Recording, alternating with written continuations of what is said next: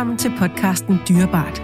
En podcast fra Agria Dyreforsikring, der er dedikeret til vores liv med hund, kat og hest. Mit navn er Puk Elgård, og jeg vil sammen med en række dyreeksperter dykke ned i en masse af de spørgsmål, der melder sig, om man er ny eller erfaren dyreejer.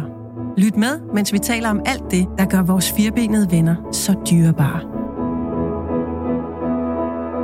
Karina, kan du ikke præsentere dig selv, øh, din faglighed og din glæde for katte for vores lyttere? Det kan jeg i hvert fald. Jeg hedder Karina Dillon, og katte fylder alt, skulle jeg til at sige. Øhm, både fagligt og privat. Jeg er veterinærsygeplejerske og har arbejdet på klinik i rigtig mange år, og har også arbejdet med katteadfærd i, i rigtig mange år. Og derudover så er jeg jo ja, stolt af at være den skøre kattedame, som har katte på bruseforhænget og katte på tallerkenerne, og altså der er katte overalt derhjemme, og så har jeg jo selvfølgelig også levende katte også. Og så har jeg øh, faktisk arbejdet for Agria i et års tid, så det er lidt derfor, jeg også er blevet kaldt ind og, og snakke kat i de her podcasts. Nå, Karina, nu skal vi øh, nu skal vi kigge på den unge kat, men jeg kan jo lige fortælle dem, der lytter med her, at det er jo ikke bare fis, det der med, at du er glad for katte. Nu så jeg lige, du hævde en pung op af tasken der, altså tasken med katte, at du også har en kattepung. Ja. En grå filtpunkt med katteører ja. og katte. Ja. Og katteklips sidder ja. du og kigger på der. Du er virkelig, du er virkelig glad for katte. Jeg tror, når jeg står af ræset på et tidspunkt, så, så er der nogen, der bliver træt af, at de skal skille sig af med alle mine katteting, fordi det er, det er et helt museum. jeg tror, man skal ønske at være kat hos dig. De har det garanteret virkelig, virkelig godt. Men det er dejligt, at man kan mærke din entusiasme, og katten er jo også et rigtig dejligt dyr. Nu er vi kommet til, øh, vi skal snakke om den unge kat, og det der jo sker med dyr og mennesker, mm-hmm. er, at man bliver kønsmoden på et tidspunkt. Og i, hvad er det, sådan cirka 6 måneders alderen, der begynder katte at blive kønsmodne? Cirka, ja. Både 100 og 100 ja. hankatte. Ja. Hvordan, hvis vi tager hankatten først, hvordan begynder den at vise, at nu er den kønsmoden? Han vil typisk begynde at, at kalde på hundkatte, og lidt sådan for at sige, her er jeg, og, og jeg er frisk, hvis du er. Og så kan hans urin også begynde at lugte ganske forfærdeligt. Øhm, altså som virkelig forfærdeligt? Ja, altså man ja. er ikke i tvivl. Det er Nej. ikke til at holde ud, og det stinker længe. Det er en lugt, man, øh, man husker. Og den er jo ikke altid så sød, eller han er ikke altid så sød, kun at brede det udenfor, langt væk fra øh, der, hvor man bor, vel? Nej, fordi når du er handkat og skal fortælle de andre hundkatte, at du er der og er frisk på sjov, så gælder det om at få spredt budskabet, så, så han er flittig med at, at markere med urinen rundt omkring over det hele. Mm-hmm. Ja, det er han. Samtidig med, at man vifter med halen. Ja, ja det er en ja. rigtig fest, det er det altså. Hvad med hundkatten? Hvordan opdager man, at hundkatten er kønsmoden? Hun vil også typisk begynde at kalde for at sige til handkatten i området, at, at hun er klar, og så begynder hun også at vride sig og ligge sådan mærkeligt med numsen i vejret. På klinik så skete det tit, at så var der nogen, der ringede og var sådan helt, åh nej, der er sket noget forfærdeligt med min kat. Jeg tror, den er blevet påkørt. Ikke gå. ja, nemlig. Altså, det ser helt skørt ud. Og så, og så viste det sig egentlig bare, at den var i løbetid. Så jeg vil også sige, at hendes adfærd ændrer sig så meget, så, så man er ikke i tvivl om det, når, når hun begynder at, at gå i løb løb. Og hundkatten kan faktisk gå i løb hver tredje uge, så det er noget, man kan have glæde af mange gange. Hold da op. Ja. Men er der så øh, tidspunkter, hvis vi nu kigger på en hund, så bliver den højløbsk på et tidspunkt. Er det lige sådan med katte, at der er et tidspunkt, hvor de kan pares, og så er det der, at der kan komme killinger ud af det? Men er der også sådan ligesom en indledende fase, hvor den så ikke ville kunne få killinger? Altså det er der, men hunde går i løb på en anden måde, end katte gør. Når, når katte parer sig, har de faktisk ikke løsning ved parringen. Så systemet er, er anderledes indrettet hos kattene. Nej, hvor øhm, smart. Ja, og det er jo også derfor, at hvis man ser en hundkat, som er klar til at blive parret, så vil der typisk være flere handkatte rundt om hende, og der kan sagtens være flere fædre til et kul, for hun parer sig typisk mange gange enten med den samme handkat eller med, med flere handkatte, så, så der kan sagtens være flere fædre til, til et kul handkatte. Okay, jamen så lad os kigge lidt på, når nu de så er blevet kønsmodne, lad kan man sige, fordele og ulemper ved at få øh, kattene neutraliseret. Ja. Hvad er fordelen ved at få for eksempel en handkat neutraliseret? Der er jo mange fordele, og jeg synes, den første og den største og den vigtigste fordel ved at få sin øh, katte neutraliseret, det er, at så bliver der ikke lavet så mange killinger. Vi lever bare i en verden, hvor der er alt for mange katte, som der ikke er hjem til. Og det er både voksne katte og killinger. Så det synes jeg er en rigtig stor del af det, at vi begrænser, hvor mange killinger der bliver lavet.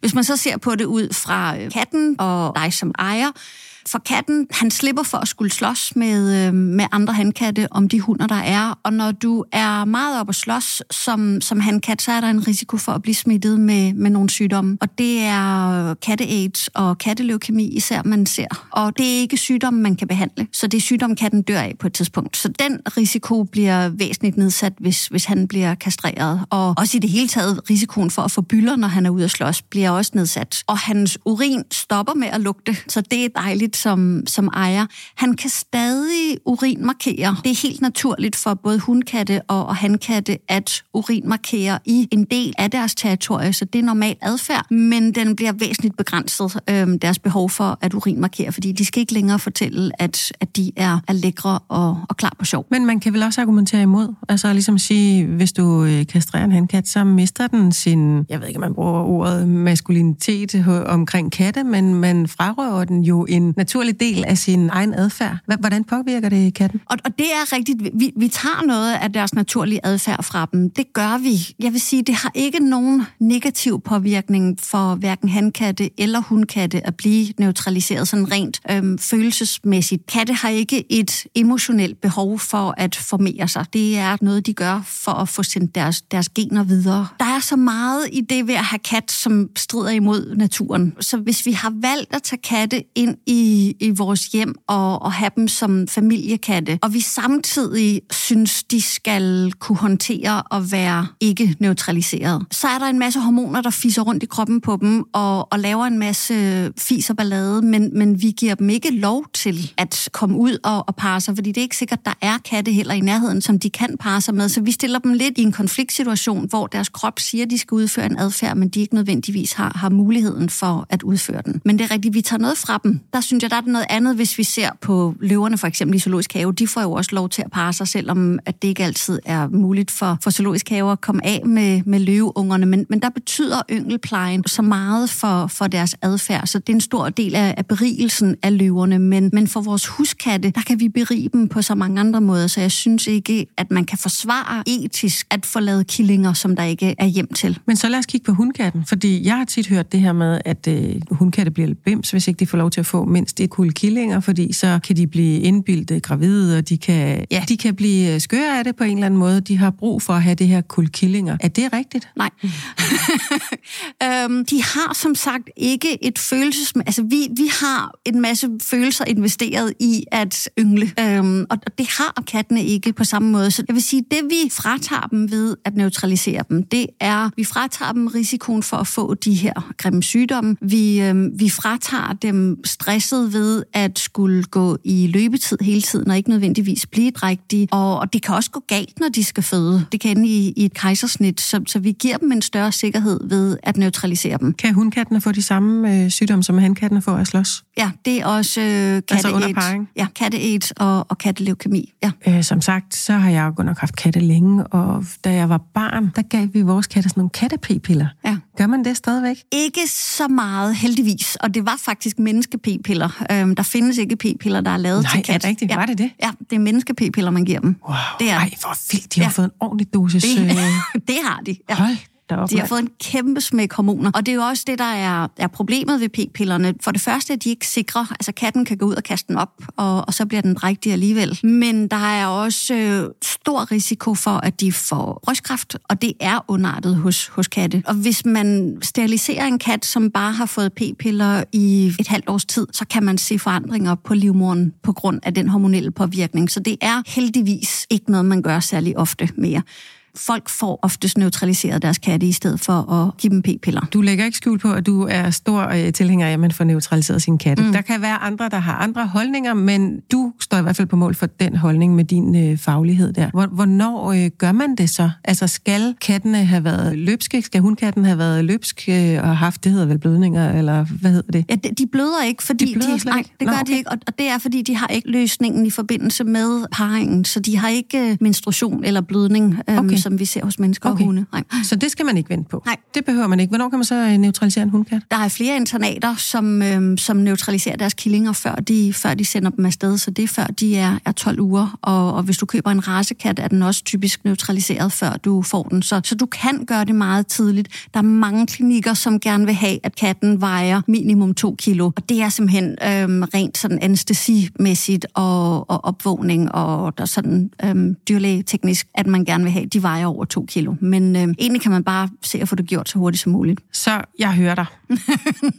jeg kan se din, øh, jeg kan godt se dine pointer. Ja. Jeg synes, og jeg taler slet ikke imod det. Det har ikke noget der med det at gøre. Jeg vil alligevel bare sige, det er virkelig hyggeligt at have et kuldkillinger. Mm-hmm. Og det har jeg oplevet nogle gange. Hvis man så, dels hvis man jo selvfølgelig avler, men også hvis man nu ikke fik neutraliseret sin kat, og den kommer hjem, og den skal have killinger. Hvad kan man så gøre for at gøre det så godt som muligt for de her killinger? Der kan jo komme op til 10 stykker, eller med, ja. ikke så meget. Så har man pludselig øh, huset fuld af katte. Hvordan forbereder man den tid så? Det synes jeg nemlig er vigtigt, fordi killinger er jo skønne og fantastiske, og det er sjovt at have killinger. Men jeg synes bare, man som, og igen her, der bruger jeg ordet opdrætter, uanset om det er race eller, eller huskat, man har, men, men man skal ligesom være sit ansvar bevidst, at hvis man har valgt, at ens kat skal have killinger. Jeg synes for det første, så skal man egentlig kigge lidt på hundkatten. Har hun et temperament, som vi skal afle videre på? Hvis hun er en, en meget sky kat, så det er ikke sikkert, hun er den rigtige kat at, at få killinger på. Så, så det er sådan det første. Og, og hvis man så har valgt, at jamen, vi vil faktisk gerne lige lave et, et kul killinger på vores kat, så skal man lige huske, at man anbefaler, at de er minimum to år gamle, og det er simpelthen for, at de er udvokset, altså både fysisk og også, også mentalt. Så, så der går lige et par år, hvor man skal finde ud af, hvad gør vi så i, i den tid? Så får hun så killingerne, og så er der jo en masse i at lave nogle gode killinger. De skal jo ud og være, være gode katte i hjem i fremtiden, så, så man skal huske at få dem socialiseret godt. De skal vende sig til forskellige mennesker, de skal opleve ting, de skal se, hvordan et hjem er, og den larm, der kan være i et hjem, men det er vigtigt, at man vender dem til det på en positiv måde, og på en, en stille og rolig måde. De skal vende sig til at blive pillet ved af, af mennesker, så, så der er noget, noget arbejde i at skabe nogle gode killinger. De skal vende sig til transportkasse, og, og hvis ikke selv man har børn, så må man ud og prøve at finde nogle børn, som kan komme hjem og sidde lidt med killingerne. Så, så man skal gøre sådan... Og så hader deres forældre en bagefter, fordi de klager.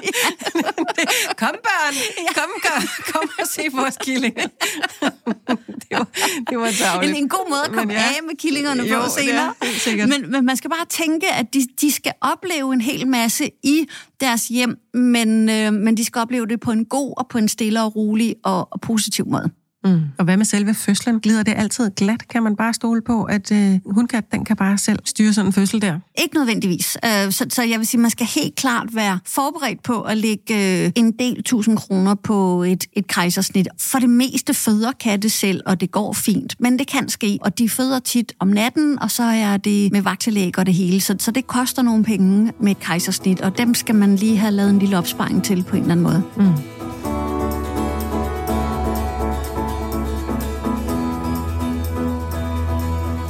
Den unge kat også skal vende sig til, det er jo, at den skal vende sig til at blive håndteret. Den skal jo øh, opleve en hel masse ting i løbet af det første halve år, eller det første år, den skal håndteres hos dyrlægen. Den, vi har snakket om det tidligere, den skal chippes måske, den skal vaccineres, og, øh, og måske så også neutraliseres. Hvordan træner man det med den unge kat? Vi rører jo ved dem, fordi vi kæler med dem, men de skal også vende sig til, at vi også kan være lidt irriterende nogle gange, og pille og, og gøre irriterende ting. Også hvis de er vant til, at mennesker piller og er irriterende derhjemme, så er det også nemmere for dem at håndtere det, når de så kommer til dyrlægen. Vi snakkede i et af tidligere afsnit om det her med lyden, mm. lyden som betyder, at nu kommer der en godbid, så jeg ville øh, pille lidt ved kattens ører, og så komme med lyden og, og give en godbid, pille ved poterne. Man kan tage en ske og holde op mod brystkassen og lade lidt som om man lytter til hjerte. Man kan holde den lidt på forbenet, som om den skal have taget en blodprøve. Så, så alle sådan nogle små ting kan man gøre derhjemme. Igen, meget stille og roligt. Det skal være positivt for katten. Man tager det i bitte, bitte, bitte små bidder. Men pille dem til, at man, eller pilles dem til, til. Ja, ja, jamen, jeg forstår Vend det. dem til, Vend dem til, at man piller at ved dem. man Kig piller. dem ind i ørerne, kig Ja. dem ind i munden, øh, tryk dem lidt på poterne, Yes. og, ja, Ja. så det bliver en del af en rutine, at de ved, at mennesker de kan håndtere dem, uden at det bliver føles alt for farligt. Nemlig. Og de skal også vende sig til at få piller også, for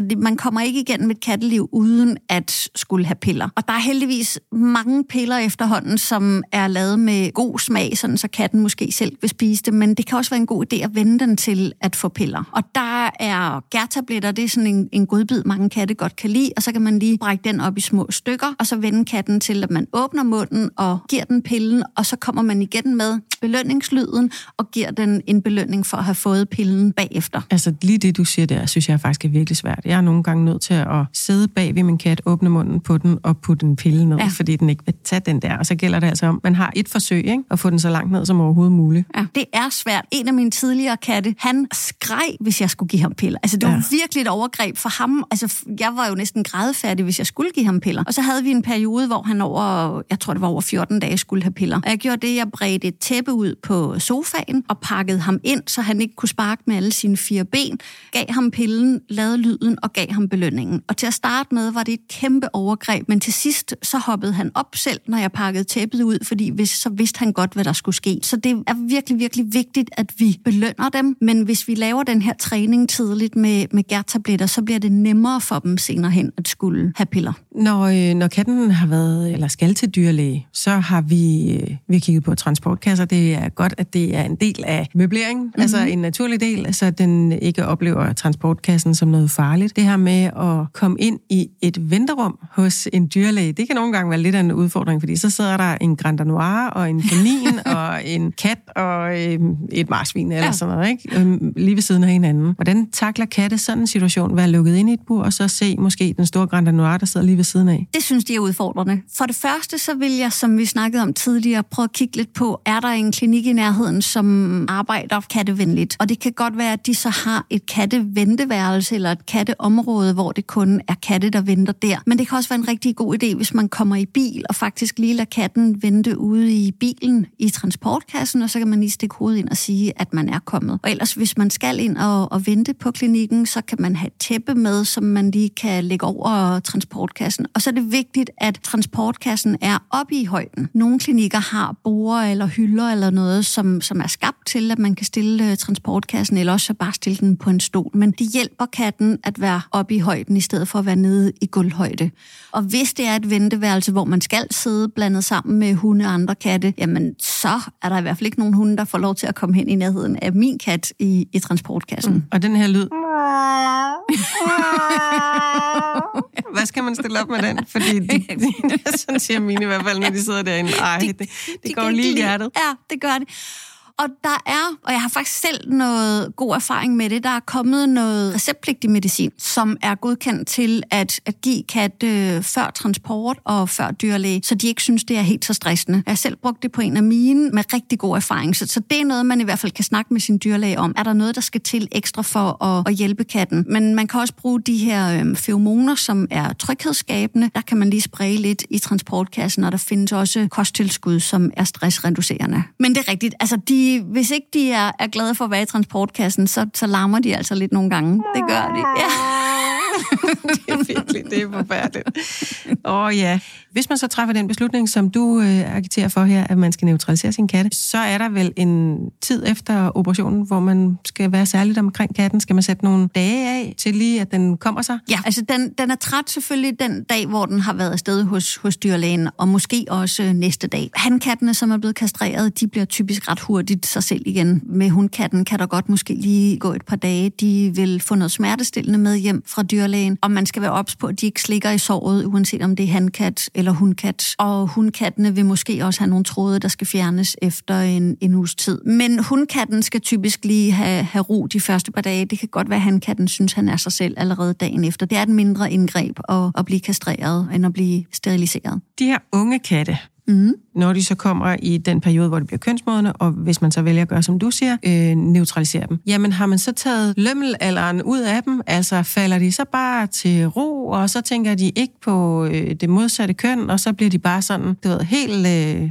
velopdragende og øh, sofa-kartofler, og så behøver man ikke aktivere dem mere? Nej, altså der er stadig krudt i dem. Man har højst sandsynligt pillet en lille smule af krudtet ud, fordi de er blevet neutraliseret, men det er stadig en ung kat, som har brug for at komme enten ud og løbe over stepperne, eller hvis det er en indekat, få, få hjælp til at, at krudte af indenfor. Så, så det er vigtigt at holde fast i, at vi skal lege med katten stadigvæk, og vi skal stadig aktiveringsfodre dem, og stadig tage ting med hjem fra gåturen, som de kan snuse til og undersøge, og papkasser. Så der er stadig en masse tid, der skal bruges på at lave noget med dem, og de er stadig sjove og skøre på det her tidspunkt. De bliver ikke øh, kedelige sofa-flyder endnu. Det er, er først senere. Det måske sker det engang sikkert, men der er stadig krudt i en ung kat. Det er der. Er det her på det her tidspunkt, at de vil være knyttet til deres ejer, eller vil de stadigvæk være sådan ude efter eventyr på egen hånd? Hvis vi tænker, at katten er sådan cirka et halvt års tid, så vil den stadig være, være knyttet til deres ejer. Når katten er to et halvt til tre år cirka, bliver den det, man kalder socialt moden. Det er vi også, når vi er slut teenageårene. Det er der, hvor vores hjerne og vores personlighed er, er fuldt udviklet. Det er kattene først, når de er de her to-tre år. Der kan man godt se en ændring, at de måske ikke længere har, har brug for os på samme måde, som de har haft før. De kan blive lidt mere selvstændige. Hvis man har fået to kuldsøskende hjem, som har været rigtig glade for hinanden, kan der også ske en ændring, når de bliver øh, socialt modne. Men en ung kat på et halvt til, til et helt år er stadig glad for os, og vil typisk stadig gerne have noget, noget selskab med, med os også. Hmm. Jamen Karina, det var som altid en fornøjelse at se dine øjne stråle, når vi taler om de her katte. Øh, næste gang, så skal vi øh, tale om katten, når den kommer ind i de voksnes rækker, og vi skal tale om det her territoriale adfærd, som kendetegner en kat, og den sociale adfærd. Og så skal vi, det glæder jeg mig til, kigge på kattens kropssprog. Ja, og det er spændende. Helt sikkert. Tak fordi du lyttede med på Agria Dyreforsikrings podcast serie Dyrebart.